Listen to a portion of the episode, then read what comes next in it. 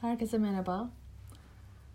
İki hafta önce hmm, rüyamdan söz büyüdür sesiyle uyandım. Ve o süreden beri sürekli olarak gözlem halindeyim. Hani bu rüyanın vermeye çalıştığı mesaj neydi? Hmm, neye odaklanmam lazım, ne öğrenmem lazım diye rüyayla bir nevi yaşadım Rüyaların dilini anlamak kaydını dinleyenler varsa hatırlayacaktır. Rüyalardaki mesajların ne kadar önemli olduğu ve nasıl üzerinde çalışılması gerektiğine ilişkin bazı tüyolar vardı. Ben de onu kendime uygulamaya çalışıyorum. Ve sürekli olarak hem çevremi hem de kendimi gözlemledim. Biliyorsunuz biz insanlar kelimelerle iletişim kuruyoruz ve kelimelerin bir frekansı var. Bu duyduklarımız konuştuklarımız, okuduklarımız bizim davranışlarımızı ve inançlarımızı şekillendiriyor. Ve her birinin aslında bir frekans aralığı var, bir titreşimi var. Doğuda mesela mantralar kullanılır. Yani siz anlamasanız bile o sesin bir tınısı vardır. O tını e, sizdeki titreşimi, rezonansı harekete geçirip yükselttiği için enerjinizi birçok negatif şeyden kurtulursunuz. Zihninizi arındırır. Mesela Om Mane Padme Hum'u yüz defa söyleyin, transa geçersiniz. Bir meditasyon tekniği olarak kullanılır. Aynı şekilde bazı insanlarla birlikteyken enerjinizin yükseldiğini hissedersiniz. Yan, yanından ayrıldığınızda kendinizi çok iyi hissedersiniz. Ya da çok negatif biriyle iki dakika geçirin. Kendinize gelemezsiniz üç gün. Bunun aslında asıl sebebi kullandığımız sözcükler ve inanç kalıplarımız. Yani biz bir insanla ilgili konuştuğumuzda bile neden dedikodu kötü bir şey? Çünkü aslında o insana bir kara büyü yapıyoruz. Çünkü o insanla ilgili onu tanıyan ya da tanımayan bir insanın görüşünü değiştiriyoruz. Dolayısıyla orada bir kara büyü oluşuyor. Yani o insanın onu tecrübe etmesinin önüne geçiyoruz. Öte yandan o insanla ilgili kullandığımız sözcükler aslında bizim auramızı, bizim ruhumuzu kirletiyor. Bunlar çok spiritüel şeyler gibi kulağa geliyor ama baktığımız zaman biz neye inanırsak aslında onu çekiyoruz. Çünkü beyin kullandığımız her kelimeyi tamamıyla Google gibi çalışarak işlem görüyor. Yani ben hasta değilim dediğinizde olumlu bir şey olduğunu düşünüyorsunuz ama o Google'da olduğu gibi hasta kelimesini alıp bunu mu demek istediniz diyerek okey ben o zaman mesajı aldım, talimatı aldım, seni hasta edeceğim demeye başlayarak hasta ediyor. Ama ben sağlıklıyım dediğinizde zaten çok daha söylerken bile fark edin ben hasta değilim demek daha böyle bir enerji düşüklüğü yaratırken ben sağlıklıyım dediğinizde ses tonunuz bile, kalbiniz bile daha açık hale geliyor. Dolayısıyla daha pozitif bir şey hissediyorsunuz ve beden de e, sizin verdiğiniz talimatı ayak uydurarak daha sağlıklı hale geliyor. Bu olumlamaların kullanılmasının sebebi işte spiritüellik, spiritüel dünyada bir sebebi bu aslında inanç kalıplarını değiştirmek. Mesela geçen gün bir arkadaşımla buluştum. Hmm, arabaya bindiğimde dedim ki çok güzel olmuşsun bugün saçını mı değiştirdin? Gerçekten de çok beğendim. Ay yok canım hep aynı halim bilmem ne. Yani biz mütevaziliği o kadar yanlış tanıyoruz ki. Dedim ya sadece kabul edebilirsin hani sana söylediğim şeyi. Teşekkür ederim her zamanki halimde sen ne olacak dedim. Yok yok ben e, daha da çok söyle diye yapıyorum aslında dedi. Bu size tanıdık gelmiş olabilir. Ben de böyleydim. E, iltifatı almakta bile zorlanırdım. Çünkü kendimle ilgili olan mütevazilik adı altında kendimi aşağı çekme kalıbım vardı. Yani birisi bana çok güzel olmuşsun bugün dediğinde ay yok ya elbise çok eski. Ya da işte yok bir şey yapmadım saçıma. Neden? Evet çok güzelim desen ne olacak? Yani bu narsistik bir kalıp olmayacak aslında. Ama şunu gösteriyor. Biz bunu çeşitli motivasyonlarla yapıyor olabiliriz. Ee, negatif kalıplar kurarak çevremizde. Çünkü içsel olarak inanmadığımız şeyi başkalarından duymayı bekliyor olabiliriz. Ay bugün kendimi çok kötü hissediyorum ya da işte bugün kendimi çok çirkin hissediyorum dediğinizde şu beklentiye giriyor olabiliriz. Hayır çok güzelsin ya bir şeyin yok. Neden peki dışarıya bu kadar bağımlıyız kendimizi iyi hissetmek için? Zor olan durumlarda ya da kendimizi beğenmediğimizi, sevmediğimizi hissettiğimiz durumlarda tam tersine kendimizle konuşarak neyi bekliyoruz dışarıdan? Birileri bize iyi olduğumuzu, güzel olduğumuzu, sevildiğimizi, görüldüğümüzü, duyulduğumuzu hissettirsin. Peki biz öncelikle bu ihtiyacımızı tanımlayıp neden bunu kendimize vermiyoruz? Neden dışarıya bağımlı hale getiriyoruz kendimizi? Gün içerisinde kendimizle nasıl konuştuğumuza mesela bu bir hafta kendimize ödev olsun. Yakalayalım içerideki o sabotörleri, sesleri. Mesela birkaç gündür farklı kişilerle enerji çalışması yapıyorum. Ee, ve orada bile hani sorulan sorularda mesela aslında hep altta inanç kalıbı olduğunu gözlemliyorum. Yani işte benim elimde hiç para kalmıyor. Bolluk bereket yok. Ben gelen para elimden gidiyor. Bu bile aslında kendimizde olan bir inanç kalıbı. Benim elimde para tutulmaz zaten, kalmaz.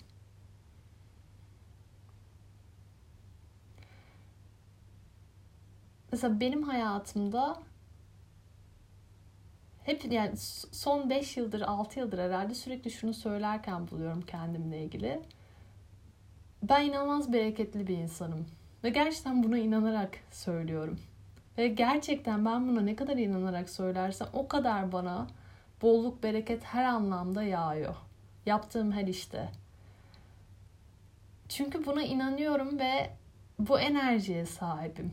Ve dolayısıyla bu bana akıyor ama bu demek değil ki hayatımın her yönünde böyle. Mesela ben de bir e, bir enerji çalışmasının içine girdim ve olumlamalar var. Her gün söylediğim. Belli olumlamalarda içsel olarak inanmadığımı yakaladım kendimde. Benim de belli yerlerden gelen inanç kalıplarım, geçmişte yaşadığım kötü tecrübelerden edindiğim kalıplar var ve söylerken akmıyor kalbim. Yani sesli söylüyorum ama ben inanmıyorum öncesinde. Ama bunun aksini kendime bin defa söylediysem olumlu halini bin defa söylersem inancım artık yer değiştirecek.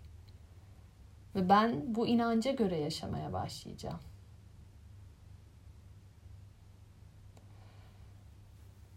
Alman fizik, fizikçi e, Werner Heisenberg şöyle bir şey söylüyor atomun yapısıyla alakalı olarak. Diyor ki atom bizim gördüğümüz şekilde tek bir partikülden ibaret değildir diyor. Yani tek bir şey ifade etmez bize. Titreşimiyle bir potansiyeli ve sonsuz olasılığı ifade eder diyor. Aslında orada kuantum fiziğinden bahsediyor. Ve bu dünya eğer atom en küçük partikül bu potansiyele sahipse bütün dünyada yarat bütün yaratım bu potansiyele sahip. Ve biz bunu nasıl harekete geçiriyoruz sizce? Sözcüklerle. Ben neye inanırsam onu yaşıyorum aslında. Hatta bir çocuğa verilen ismin öneminden bahsederler çocuğun kaderi olduğundan. O yüzden mesela Amerikan yerleri bu konuda çok dikkat ederler. Yani şöyle düşünün.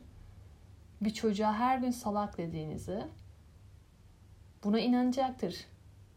Ve biz çocukluğumuzda da aslında birçok şeye inandık.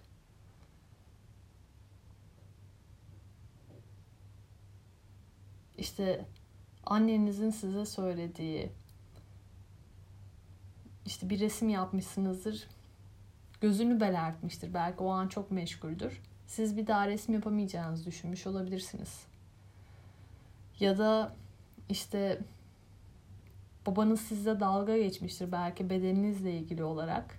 Şakadır onun için o. Ama sizin bütün hayatınız boyunca beden algınız, kadınlık ya da erkeklik algınız başkalaşır. Başkalarının sizinle olan ilgili inanç kalıpları bir süre sonra sizin inanç kalıplarınız haline geliyor. Toplumsal inançlar da aynı şekilde. İşte kadının çok para kazanmaması gerektiği, yoksa erilleşeceği, güçleneceği. Bu da bir inanç kalıbı. Kendinizle böyle konuşurken yakalayın.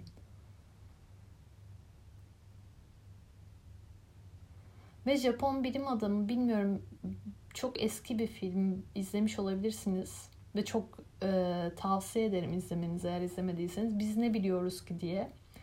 Ben üniversitedeyken aşırı ateistken izlemiştim bu filmi ve o zaman bile çok etkilenmiştim. Kuantum fiziğini çok güzel açıklıyor aslında. Ee, Japon bilim adamı bu su deneyini biliyorsunuzdur. Bir kavanoza su koyuyor bunu evde yapan arkadaşlarım var ve gerçekten e, aynı sonucu almışlar. E, içine pirinç koyuyorsunuz ve bir ay boyunca her gün bir tane kavanoza işte sen çok çirkinsin diyor. Bir tanesine bugün harika gözüküyorsun seni seviyorum diyor. Bir tanesine işte korku diyor. Bir tanesine işte hastalık diyor. Bir tanesine başarı diyor. Ve sonrasında mikro ölçekte baktıklarında e, kötü yani olumsuz cümleler söylediği taneler, kristaller işte o e, Heisenberg'in bahsettiği bir anda böyle çok çirkin bir sarı renk alıyor. Kahverengi, sarımtırak bir renk. Diğeri işte daha yeşil pozitif, diğeri mavi renk alıyor. Ve enerjinin bu söylediğimiz sözcüklerin suyu havadan dört kat daha çok etkilediğini ortaya çıkartıyor. Peki insan vücudunun %70'i suysa biz kendimize ne yapıyoruz? Ve birçok hastalığın aslında inançlardan, inanç kalıplarından ortaya çıktığı da biliniyor. Hastalıkların ruhsal nedenleri diye bir tane kitap var Louis Hay'in. Ama internette birebir bulabilirsiniz. Her hastalığın bir inanç kalıbı var. Ve siz olumlamalarla aslında bunu değiştirebileceğinizi de söylüyor. Mesela üzerinde deneyebilirsiniz. Ve bu bende mesela çok çalıştı. Gerçekten ortaya çıkan rahatsızlıklarımda baktığım zaman altta yatan inanç kalıbı ne? Tam tersine çevirdiğimde onun o hastalıktan bir anda kurtulduğumu fark ettim. O yüzden kendimizle içsel olarak konuşurken ya da başkasıyla konuşurken olumsuz sözcüklerden mümkün olduğunca sakınmak önemli. Çünkü kendimizi etkilediğimiz gibi çevremizi de etkiliyoruz. Yani inanılmaz toksik konuşan, sürekli hayatında söylenen biriyle lütfen 5 dakika geçirin ya da 5 dakika geçirdiğinizi hayal edin. Ee, kişisel olarak ben geçen hafta öyle bir hata yaptım. Bütün gece uyuyamadım. yani ağrımı o kadar kirletti ki gerçekten. Böyle e, zor temizledim. Yani ruhumun kirlendiğini, çekildiğini hissettim. E, sadece kendinize zarar vermiyorsunuz. Yani bunu yapan eminim kendisini çok daha ım, zehirliyordur ama yani beni de zehirlemeyi başardı. Ve uzak durun. Yani hani e, bir faydası yok gerçekten hiçbirimize. Ya da uyarın. Hmm. Gün içerisinde mesela farkındalık için ne yapabiliriz? Mesela olumsuz bir şey kurduğunuzda fark edin ve yazın. Ve onun üzerine düşünün. Mesela bir haftalık bir çalışma olsun bu. Ve deyin ki yani eğer mesela çirkin olduğunuzu düşünüyorsanız bu inanç kalıbı beni hayatta nerelerde geri tuttu? Neleri yaşamamı engelledi? Belki mutlu bir ilişki. Belki işte giymek istediğiniz şeyi giyememe. Belki özgüven eksikliği. Kendi yeterli bulmama. Kendi sevmeme gibi. Ve bunun tam tersine inanmak için ne söylemeniz gerekiyor kendinize? Ve olumlamalarda önemli olan şey siz şaka bile yapmıyor olmanız lazım. Çünkü beynin sarkazm ya da şakayı algılama gibi bir yeteneği yok. Yani siz kendinizle ilgili ya da başkasıyla ilgili olumsuz bir şey şaka yolu bile söyleseniz bunu bir talimat olarak ciddiye alıyor.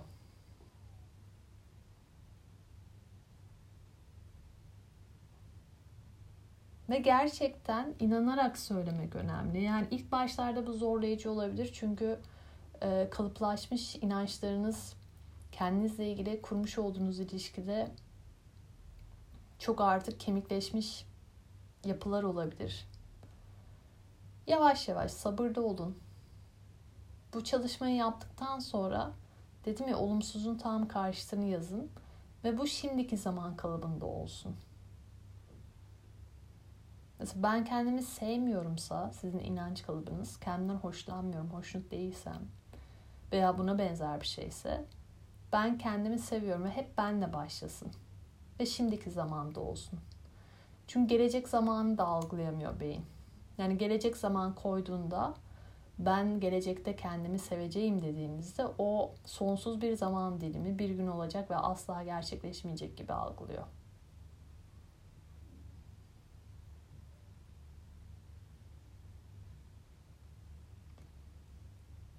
Ve kurduğunuz cümlelerde cimri olmak önemli. Yani her birinin bir enerji frekansı olduğunu fark edip buna göre konuşmalarınızı dikkatli seçmek önemli. Sadece ne konuştuğunuz ne duyduğunuz da değil, kimle olduğunuz da değil. Bu sosyal medyada takip ettiğiniz birileri de olabilir. Daha önce bahsetmişimdir herhalde. Benim Twitter hesabım yok. Ee, bazılarınıza çok garip gelebilir. Evde televizyon da yok. Yani tamamıyla şey modunda yaşıyorum. Kötü haber tez yayılır zaten. Duyduklarım bana yetiyor zaten. Ama Twitter'a işte geçen yıl herhalde böyle bir, bir hafta düştüm. Yani her gün takip edenler nasıl yaşıyor gerçekten hiçbir fikrim yok. Böyle bir ruhum çekildi. Yani hani bu kadar negatif bir ortam. Bunları okumak bile sizi aşağı çekecektir. Her şey çok kötü çünkü. Onun yerine size iyi gelen şeyleri okuyun, iyi gelen kitapları okuyun, iyi gelen sosyal medya hesaplarını takip edin. Bu polyanla pozitivizm değil. Yani yine gerçekçi olmaya devam edin tabii ki. Ama aynı haberi tekrar tekrar okuyup bunun üzerine yorumları tartışmanın ne anlamı var? Siz iyi olmak zorundasınız. iyi kalmak zorundayız her birimiz. Birbirimize ihtiyacımız var. Birbirimizi yukarı çıkartmaya ihtiyacımız var. Birbirimize sevgi cümleleri kurmaya ihtiyacımız var sevgiye inanmaya, sevgiden hareket etmeye ihtiyacımız var.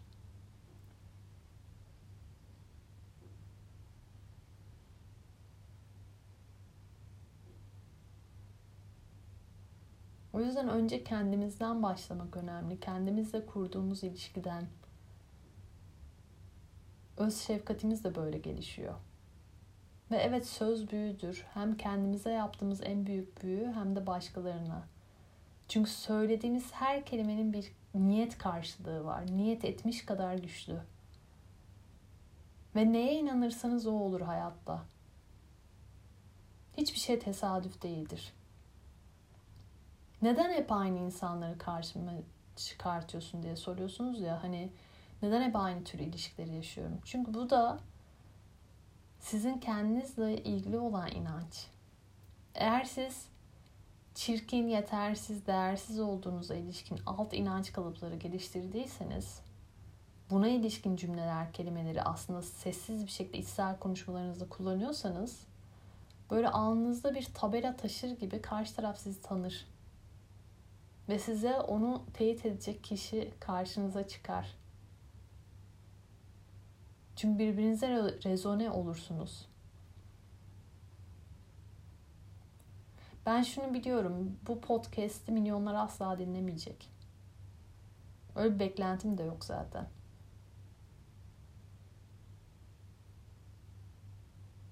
Herkes alabildiği kadarını alır, almak istediği kadarını alır.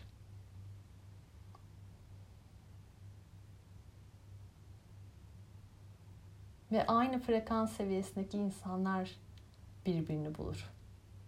Birbirine çekilir. Birbirini yükseltir ya da aşağı çekerler. Siz başkalarını yükselten biri olun ve sizi yukarıya çıkartan insanlarla olun.